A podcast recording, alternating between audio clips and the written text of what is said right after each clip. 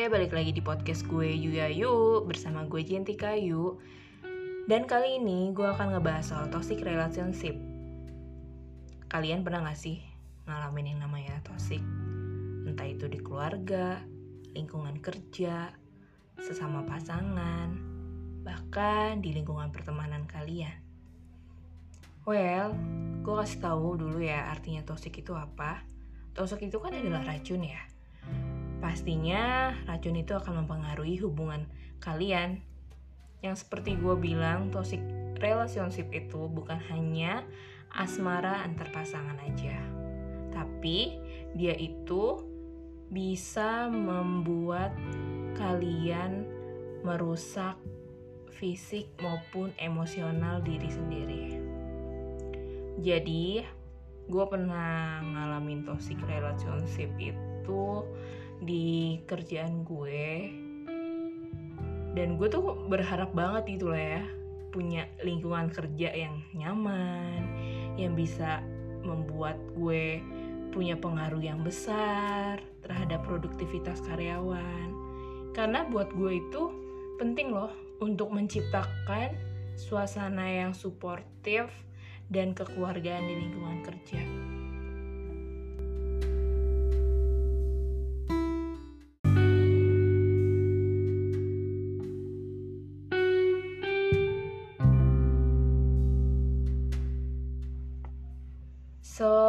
Toxic yang gue alami di kantor gue itu sebenarnya berasal dari orang internal gue sih. Awalnya itu gue kerja di sana aman-aman aja, semuanya mulus uh, dan nggak ada nggak ada apa sih ya kayak buruk-buruknya itu belum terlihat ya. Pokoknya semuanya itu aman, orang-orangnya oke, okay, lingkungannya oke. Okay tapi lama kelamaan gue gue jadi mikir gini loh kok gini ya? Kok begitu ya? Loh kenapa gitu? Kok bisa kayak gini? Kenapa gue bisa ada di lingkungan yang toksik gitu? Apalagi kan kalau misalnya lingkungan pekerjaan itu tuh kayak anggapnya tuh udah rumah kedua buat kita kan ya. Tapi gue malah jatuh di dalam toksik itu. Jadi masalah toksik gue ini di lingkungan kerja itu awalnya gue pernah nggak masuk kantor nih. Ya, karena ada halangan sedikit kan ya tapi gue udah izin sama atasan gue udah oke okay, semua nggak ada kendala. Tapi besok harinya gue masuk kerja nih. Tiba-tiba gue dipanggil sama atasan gue ya udah oke okay, gue datengin kan. Dan ternyata atasan gue itu menegur gue gara-gara gue izin kemarin. Gue cuma bisa oh ya udah deh. Oh gini ya. Padahal gue tuh udah udah minta izin udah uh, apa ya kayak misalnya gue tuh udah sesuai dengan karyawan gitu ya. Maksudnya gue udah izin gitu ke atasan. Terus juga pekerjaan gue juga gak ribet-ribet banget gitu loh. Masih bisa dihandle kan ya. Oh ya udah. Dan ternyata internal gue sendiri yang ngaduin gue ke atasan. Ya pertama kalinya sih itu gue ditegur sama atasan gue. Perihal gue gak masuk kerja. Padahal gue udah izin gue di situ sebenarnya marah gue kesel gue cuman geleng-geleng aja ya. Karena udah nggak ngerti lagi kok begitu gitu loh. Kok sampai tega gitu loh. Rekan kerja sendiri partner kerja sendiri tiba-tiba dia perlakuannya seperti itu. Dan di situ atasan gue nggak peduli. Lo masih baru dan ini yang ngaduin yang lama. Jadi dia lebih memilih karyawan lamanya dibanding karyawan barunya. Lalu yang kedua aturan yang gak konsisten itu juga bisa loh buat kita alamin jadi toxic. Kayak waktu itu atasan gue ngomong A besoknya ngomong B besoknya lagi ngomong C jadi kayak kita tuh mikir gue harus ikut yang mana? Gue harus dengerin yang mana? Gue udah coba ikutin sesuai dengan SOP perusahaan tapi kok malah di dibuyarkan gitu aja gitu. Jadi itu kayak bingung aja gue mesti ikut dengerin yang mana? Gitu kan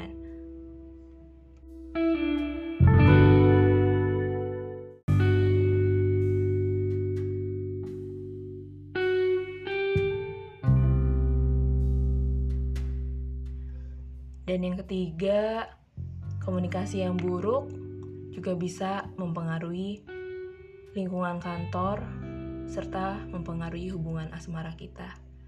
Komunikasi yang buruk itu juga bisa jadi toksik karena bisa menyebabkan kesalahpahaman sama partner kerja, sama atasan kita, sama pasangan kita, apalagi di kantor gue ini ya kayak gimana ya kayak selalu berbeda pendapat gitu dan suka miskom. Makanya bener-bener perkara yang selalu gue ketemuin itu komunikasi. Karena di sini tuh komunikasinya bener-bener miskom banget dan buruk banget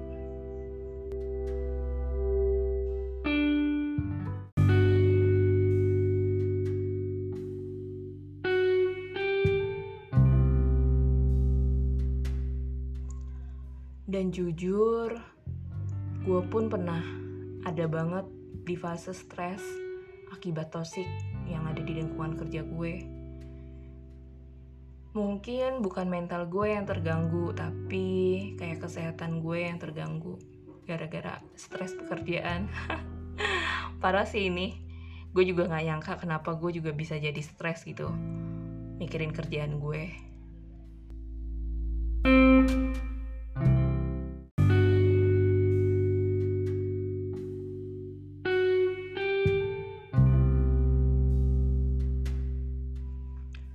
Tapi untuk bisa ngelewatin hari demi hari di lingkungan kantor gue yang seperti itu gue punya partner kerja juga yang bener-bener juga ngedukung, bener-bener juga bisa dengerin curhat gue, bener-bener saling melengkapi satu sama lain. Jadinya gue bisa ngelepasin stres gue sama dia gitu dan gue juga lebih mencoba tenangin diri gue, mencoba untuk sangat sabar mengampuni orang-orang yang ada di sekitar gue, mengampuni musuh-musuh gue, mengampuni rekan kerja gue yang rese, mengampuni atasan gue.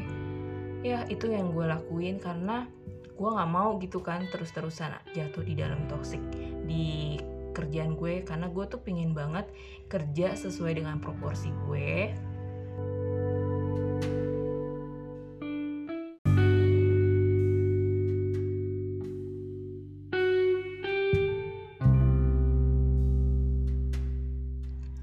dan menyelesaikan setiap tanggung jawab pekerjaan gue dengan baik.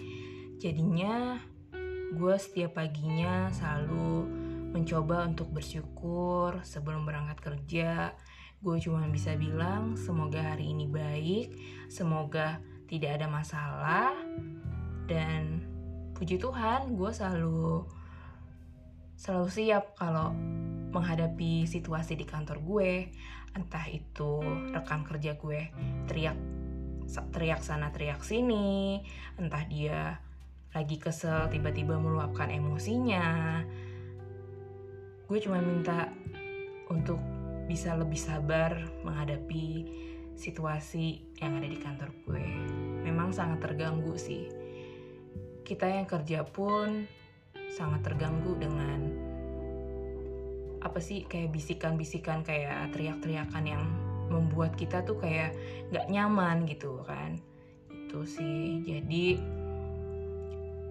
hari demi hari gue sudah biasa dengerin yang dia teriak-teriak dengerin dia caci maki caci maki gue pun juga udah biasa karena gue mencoba untuk lebih menahan emosi gue dan gue juga lebih menahan kesabaran gue coba untuk mengampuni, mencoba untuk bersyukur karena gue masih bisa bekerja.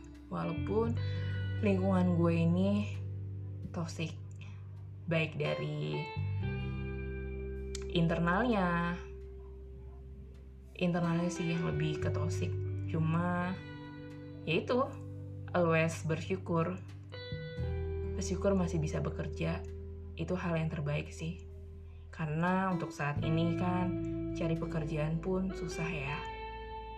Jadi untuk kalian teman-teman yang ada di lingkungan kantor yang toksik mencoba untuk lebih menenangkan diri kalian mencoba untuk tertawa mencoba untuk happy mencoba untuk sabar, mencoba untuk mengampuni, mencoba untuk mengasihi. Susah memang mengasihi musuh itu, tapi kita mau nggak mau tuh harus bisa lebih mengasihi musuh kita biar kita bisa bekerja dengan baik, bekerja dengan tenang, setiap pekerjaan kita selesai, dan supaya kita juga nggak stres sama kerjaan kita.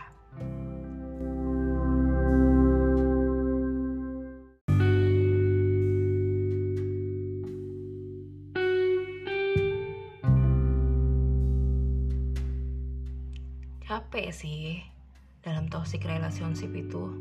Semuanya kekuras. Hati kita juga kekuras pikiran juga kekuras pikiran juga terganggu kesehatan terganggu. Bener-bener capek gitu capek.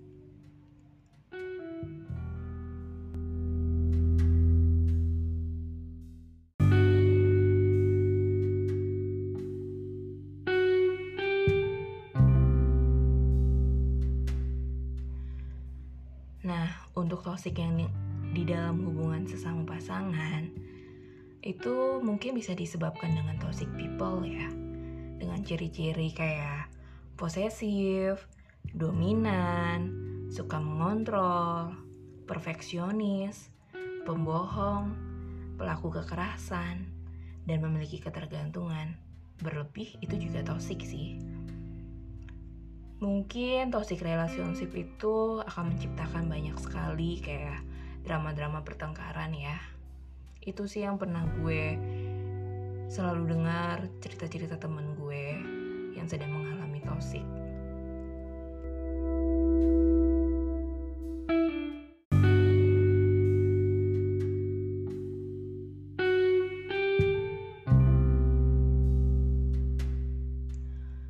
Hari-hari ini banyak banget hubungan-hubungan pasangan yang apa sih kayak sering kali menjadi hubungan yang gak sehat kayak terlihat baik-baik aja di depan umum tapi dia menyimpan banyak tekanan yang dia alami mungkin kalian gak tahu mungkin dia berusaha happy di depan kalian dan kita nggak tahu di belakang dia apa yang sedang dia terjadi, apa yang sedang terjadi dalam hidupnya kan.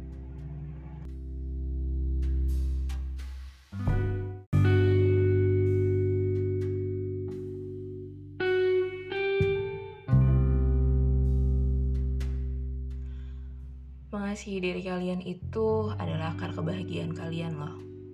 Jika kamu ingin mengubah hidup kamu dan hidup orang yang ada di sekitar kamu, kita harus bisa memulai dengan mengasihi orang itu, memulai untuk mengasihi musuh kamu, memulai mengasihi pasangan kamu, dan menghargai diri kamu terlebih dahulu.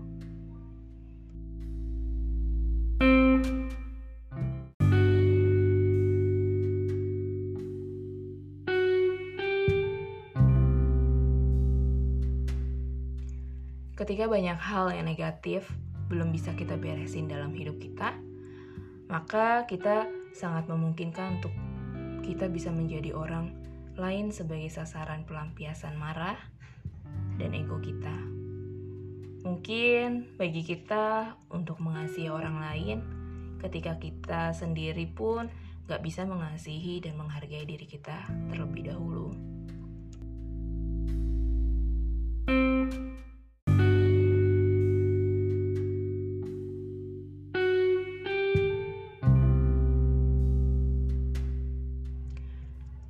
Pernah mempertahankan sebuah hubungan karena sudah lama berpacaran atau kedekatan dengan keluarga pasangan, karena itu tidak akan menjamin kualitas dalam hubungan kalian.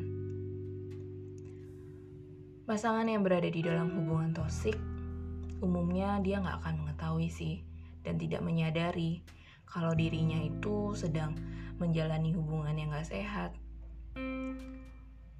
Sebelum kita memulai hubungan dekat dengan orang lain, kita harus bisa mengenal diri kita sendiri terlebih dahulu.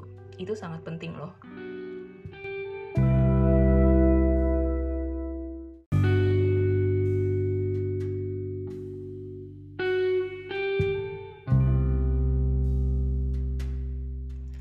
Maka dari itu, kita tuh harus butuh self love yang cukup mengasihi diri sendiri.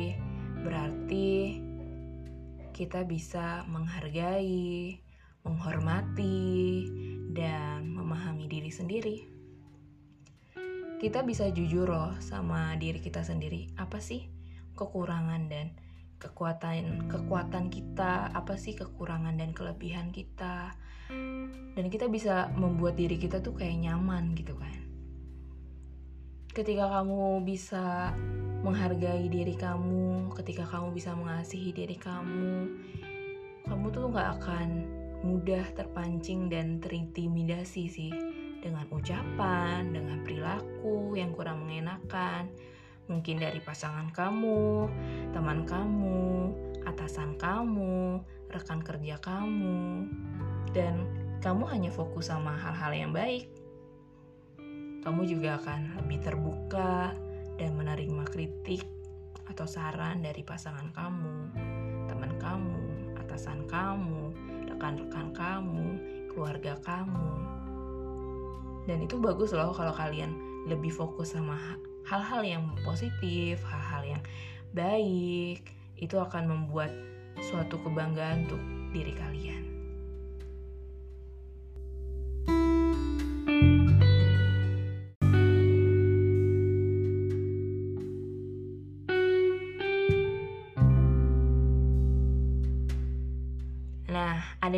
Tips-tips untuk kamu yang ingin bebas dari toxic relationship kalian perlu banget nih dukungan dari orang-orang terdekatmu. Kalian gak perlu malu minta bantuan dengan kerabat dekat kamu, sahabat kamu, uh, keluarga kamu. Kalian gak perlu malu. Kalian harus bisa lebih apa sih kayak berani untuk minta bantuan karena kalian itu adalah orang-orang yang membutuhkan orang membutuhkan makhluk hidup sesama. Jadi kalian tuh harus uh, apa sih kayak berani untuk mengungkapkan diri kalian juga. Apa yang kalian rasain apa yang kalian sedang alami. Kalian jangan menyimpan masalah sendiri karena itu tuh nggak baik untuk kesehatan kalian mental kalian fisik kalian. Kalian butuh orang-orang yang ada di dekat kalian setelah itu, kalian juga bisa buat keputusan.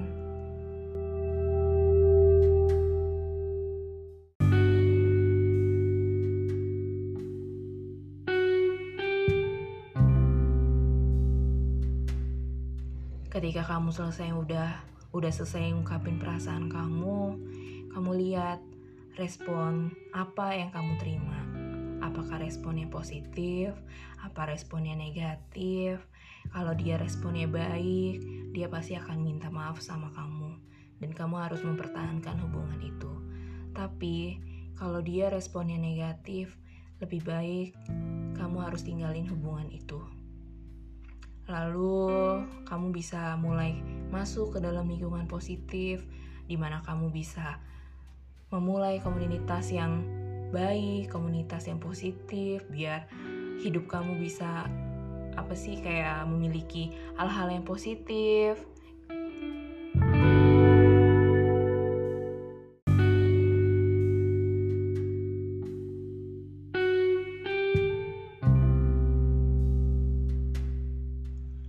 Dan gue percaya kalau kita ada di lingkungan yang positif pasti kita akan positif Tapi kalau circle kita ada di lingkungan negatif, kita pun pasti akan negatif. Entah itu kita berbuat sesuatu yang negatif, berbuat sesuatu yang tidak diinginkan. Jadi, jangan sampai salah pergaulan ya. Lalu, bertahanlah dengan keputusan yang sudah kamu buat. Jangan sampai di tengah tengah keputusan yang kamu buat, malah pasangan kamu semakin menjadi loh. Pokoknya kamu lihat respon dia, apakah dia benar-benar tulus minta maaf sama kamu atau tidak. Dan kamu harus tegas sama keputusan yang sudah kamu buat.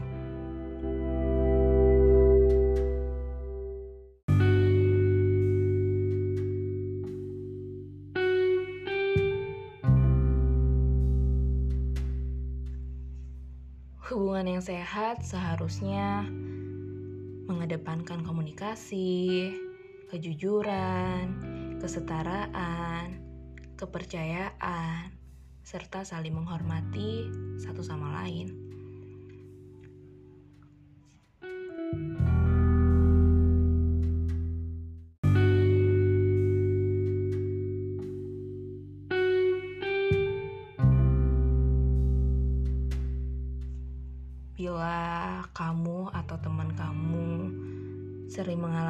Sulit akibat toksik ini, jangan pernah ragu ya untuk meminta bantuan ke teman dekatmu, karena itu sangat mempengaruhi fisik kamu, mental kamu, kalau kamu menyimpan sendiri.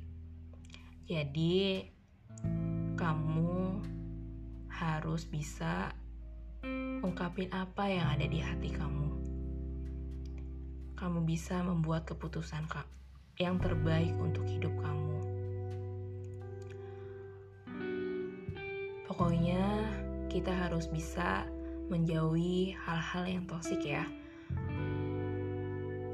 Jangan pernah untuk menyimpan hal-hal yang sedang kamu alami dengan sendiri ini aja cerita toxic gue dari lingkungan kerja gue dan mungkin tips-tips gue untuk kalian yang sedang berpasangan yang mengalami toxic relationship. Pokoknya tetap komunikasi, hargai pasangan kalian, menghormati pasangan kalian, sama-sama belajar, sama-sama dewasa, sama-sama saling memperjuangkan. Dan untuk kalian yang sedang mengalami toksik di kantor, kalian harus bisa menghargai diri kalian sendiri, mengasihi diri kalian sendiri, dan mengampuni orang-orang yang ada di lingkungan kantor itu.